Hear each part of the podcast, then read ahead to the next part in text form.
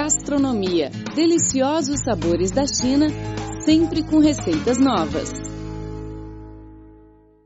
Olá, querido ouvinte, tudo bem? Está começando mais uma edição do programa Gastronomia. Eu sou Rosana Zhao e estou sempre aqui para dividir com você neste bloco as informações sobre o patrimônio cultural gastronômico da China e de outros lugares do mundo. Está comigo no estúdio a nossa amiga brasileira Fernanda Vandeland. Olá, Fernanda, tudo bem? Olá, Rosana. Olá, amigo do programa Gastronomia. Que bom estar aqui com você e com os nossos ouvintes, notadamente porque este é um programa onde podemos aprender muito sobre a culinária chinesa e também de diversos países do mundo, de uma forma que digamos saborosa. E nesta edição do nosso programa de hoje, vamos falar sobre a teoria Yin Yang e a prática desta teoria na alimentação cotidiana. As teorias fundamentais da medicina chinesa constituem um resumo teórico sobre regras do desenvolvimento da vida humana e do corpo humano e de mudanças de epidemias, incluindo Yin e Yang, os cinco elementos e Qi.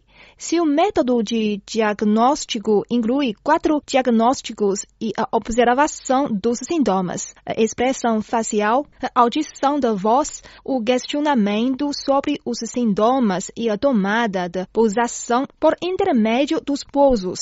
A doutrina Yin Yang é base na filosofia e metafísica da cultura chinesa. Segundo esta filosofia, duas forças complementares compõem o universo e concedem o equilíbrio dinâmico, urgindo assim o movimento e a mutação. Essas forças são Yin, o princípio passivo, feminino, noturno, escuro, frio, e Yang, o princípio ativo, masculino, diurno, luminoso e quente. As qualidades acima atribuídas a cada um dos princípios não são definições, mas analogias que exemplificam a importância de cada um deles no mundo. Os princípios em si mesmos estão implícitos em toda e qualquer manifestação.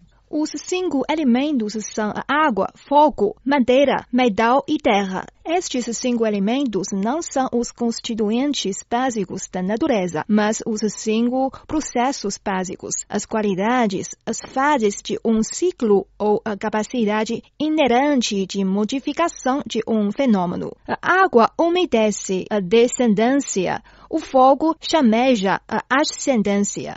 A madeira pode ser dobrada e esticada. O metal pode ser moldado e endurecido. A terra permite a disseminação, o crescimento e a colheita. A medicina chinesa usa a teoria dos cinco elementos para expor o relacionamento entre os órgãos humanos e as teorias sobre doenças quando ocorrer o desequilíbrio entre os órgãos. Para a medicina chinesa, a energia Qi é a base de toda a existência. A Terra, o universo, a vida, a natureza e o homem. O conceito Yin Yang era originalmente utilizado para refletir a direção em que encontram os dois lados de alguma coisa em relação ao Sol. O lado que dá para o Sol é Yang e o oposto Yin. Com o tempo, o significado do conceito Yin Yang ampliava-se cada vez mais. Yin tomava o significado de coisas estáticas, frias, escuras, descendentes ou introvertidas, ao passo que Yang se referia às coisas dinâmicas, quentes, brilhantes, ascendentes e extrovertidas. A classificação de coisas deste modo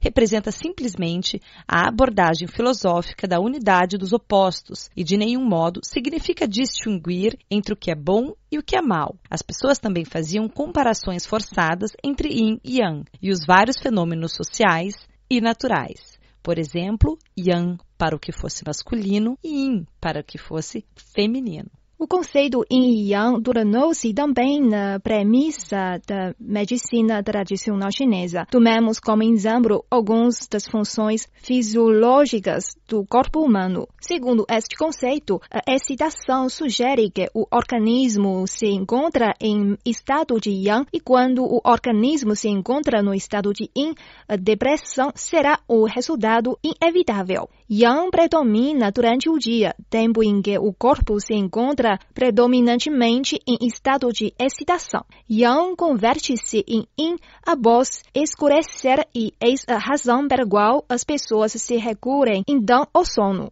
Na realidade, entende-se o corpo humano como o universo em miniatura, quando os elementos yin e yang do organismo de uma pessoa se encontram em bom equilíbrio. A saúde encontra-se em boas condições e essa pessoa adoece quando se rompe o equilíbrio.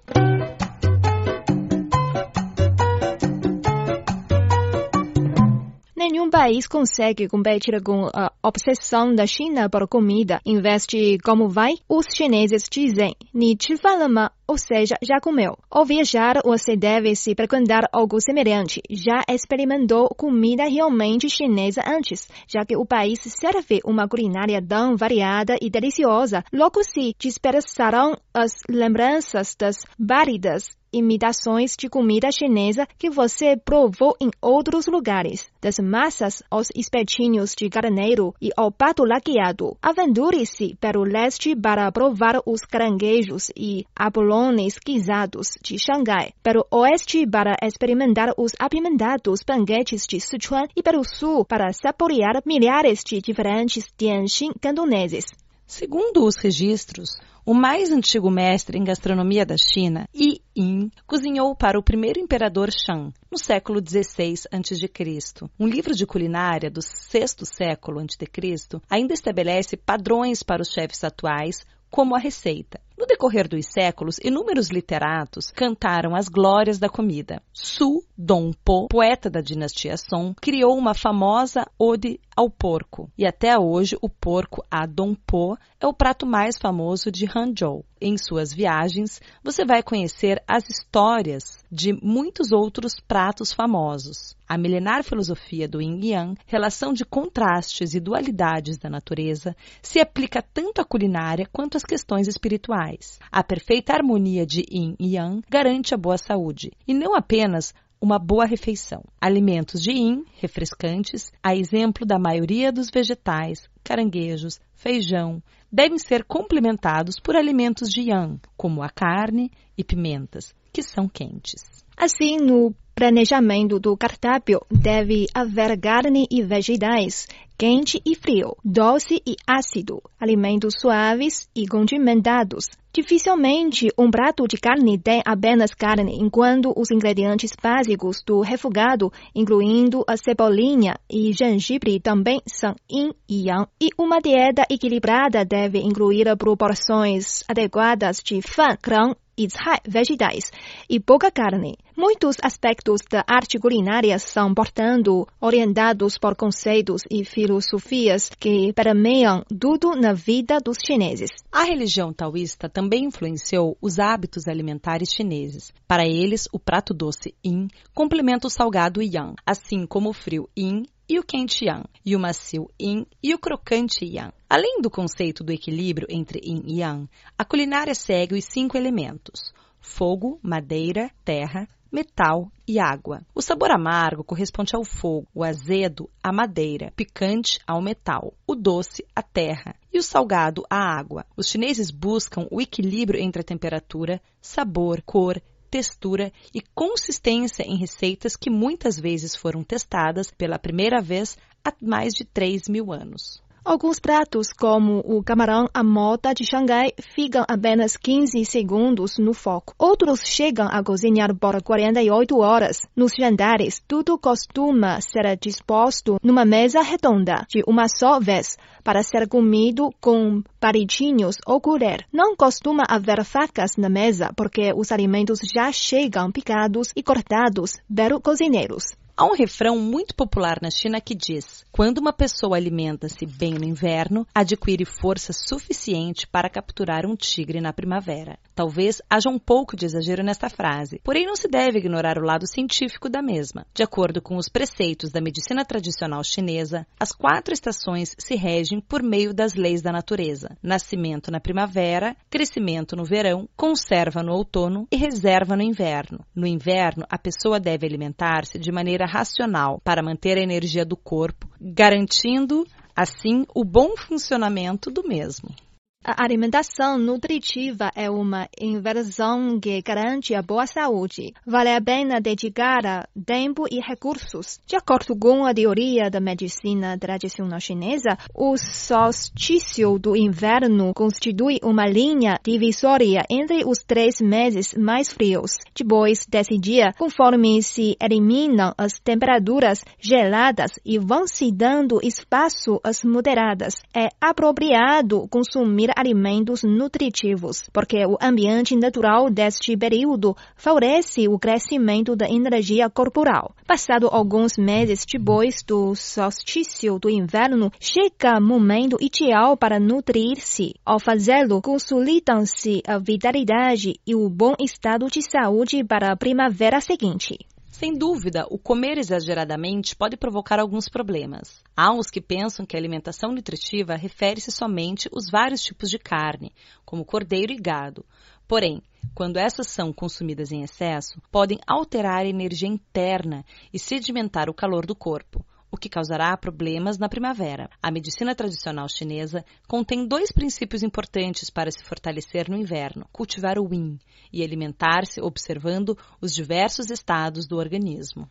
Isso quer dizer que no inverno e no outono deve-se acumular a energia essencial do yin, pois o corpo terá gastado grande quantidade de líquido do yin na primavera e no verão, que se adiciona à sequidão do outono, o que resulta em uma faixa nos níveis de líquido do yin. No inverno, a energia essencial do yang se encontra no interior do corpo e os poros se mantêm fechados, de tal maneira que predomina a energia essencial do yang. Quando se ingere calorias em demasiado, adiciona-se mais lenha ao fogo, que destrói o equilíbrio entre o yin e o yang. Portanto, o cultivo do yin pode manter efetivamente este equilíbrio e prevenir enfermidades derivadas do calor da primavera.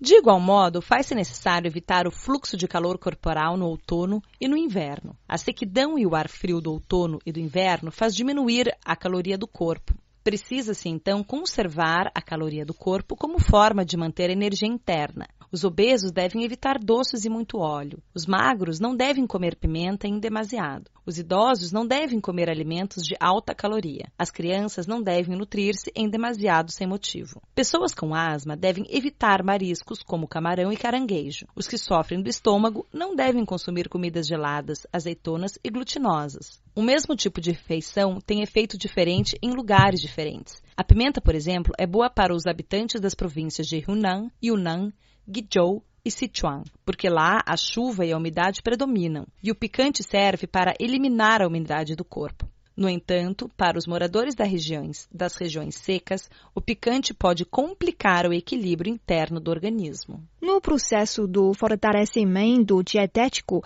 deve-se seguir os dois princípios básicos. A alimentação nutritiva deve realizar-se de acordo com o estado de saúde e do ambiente. As pessoas de pouco peso corporal, de semblante pálido e que sofrem de insônia ou constipação devem nutrir-se de carne de pato e ganso, tartaruga, raiz de loto e orelha de madeira. A carne de pato é aconselhável para o estômago e os rins e pode curar a tosse.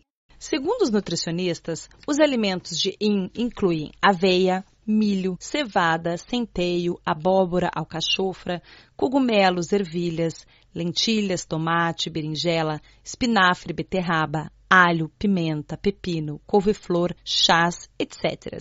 Já os alimentos yang são arroz, alface, repolho, grão de bico, trigo, nabo, cebola, salsa, agrião, cenoura, azeitonas, amêndoas, alho poró, rabanete, linguado, salmão, camarão, atum, sardinha, vinagre, sal marinho, mostarda, baunilha, açafrão, alecrim e óleos vegetais. Devem ser priorizados os cereais integrais, como arroz integral, considerado o alimento perfeito para, pela filosofia, pois possui o equilíbrio entre o sódio e o potássio, que correspondem ao yin e yang. Já alimentos com corantes, conservantes, grãos refinados, processados, condimentos picantes, bebidas alcoólicas, açúcar refinado, chocolate, mel, café e gordura animal devem ficar de fora da alimentação macrobiótica.